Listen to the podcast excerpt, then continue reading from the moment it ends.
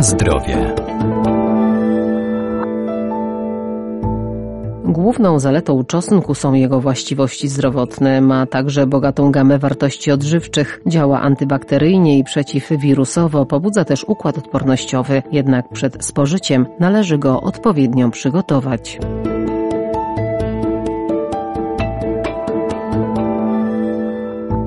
Czosnek zawiera między innymi błonnik, białko czy aminokwasy, dlatego też ma szerokie zastosowanie w naszej kuchni. Zwiększa też wydzielanie soku żołądkowego, działa żółciopędnie i przeciwskurczowo. Taką ważną substancją, która występuje w cebuli czosnku, substancją aktywną, jest aliina. Jest to związek siarki. Benita Chryć, Uniwersytet Medyczny w Lublinie. I co jest istotne do tego, aby czosnek wykazywał działanie terapeutyczne, jest jego odpowiednie przygotowanie, ponieważ sama aliina, która występuje w świeżej cebuli, czosnku nie wykazuje takiego działania terapeutycznego. Dopiero w momencie, kiedy pokroimy czosnek, dojdzie do tego, że komórki roślinne ulegną uszkodzeniu i enzymy będą mogły działać, ta aliina jest przekształcana do alicyny i dopiero ta alicyna wykazuje działanie terapeutyczne. Więc warto przed dodaniem czosnku do potraw najpierw ją posiekać, pokroić, odczekać 5 minut i dopiero potem dodać ją do przygotowywanego posiłku. A jakie działanie wykazuje czosnek? Między innymi oczywiście jest to działanie pobudzające trawienie, wydzielanie soków trawiennych, działanie zwiększające wydzielanie żółci, wytwarzanie żółci w wątrobie,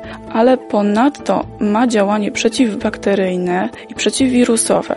I często czosnek jest wykorzystywany w terapii, w leczeniu schorzeń górnych dróg oddechowych. Czosnek ma również pozytywny wpływ na nasze serce i układ krążenia, ponieważ może on zmniejszać agregację płytek krwi, przez co zmniejsza krzepliwość krwi. Dodatkowo pobudza układ odpornościowy do działania, ale także obniża poziom trójglicerydów i cholesterolu w naszej krwi, może również obniżać ciśnienie krwi. To co istotne to również to, że czosnek, a także świeża cebula mogą zmniejszać ryzyko występowania raka żołądka. Niestety stosowanie czosnku również ma pewne wady, ponieważ ten związek aktywny, który się wytwarza, ma bardzo nieprzyjemny zapach. I przy dużym spożyciu czosnku niestety nie tylko ten zapach występuje w naszym oddechu, ale również całe ciało, cała skóra może zacząć pachnieć tym nieprzyjemnym zapachem.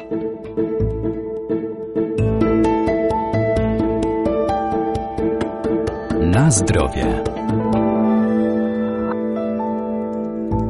Warto też sięgać po inne rośliny zielarskie o właściwościach prozdrowotnych. Taką sztandarową substancją pobudzającą wydzielanie żółci oraz jej wytwarzanie w wątrobie jest kłącze kurkumy. Kłącze kurkumy jest często wykorzystywane nie ze względu na walory zapachowe czy też smakowe, ale poprzez to, że ma ona charakterystyczny, intensywny kolor żółty. Często jest na przykład stosowana do barwienia ryżu, ale oprócz tego, że daje nam ten piękny żółty kolor, wykazuje silne działanie żółciopędne i żółciotwórcze. I jak części z Państwa wiadomo, także w kłączu kurkumy występuje taka substancja aktywna nazywana kurkuminą. I substancja ta ma również działanie przeciwnowotworowe. Do innych substancji, które będą pobudzały nam wydzielanie żółci do jelita, możemy zaliczyć również miętę pieprzową, jej liść, czy też rozmaryn, a także ziele tymianku i ziele oregano. Oprócz tych takich typowych działań poprawiania trawienia,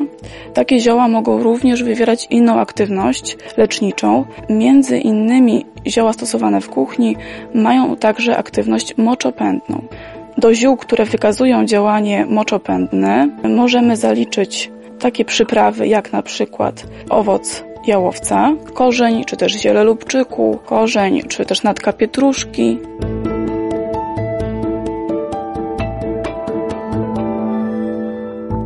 Ziołolecznictwo jest jedną z najstarszych znanych człowiekowi metod wspomagania organizmu, ale zioła należy stosować z umiarem, zwłaszcza jeżeli są używane w celach leczniczych. Najlepiej ich zastosowanie i dawkowanie skonsultować z lekarzem.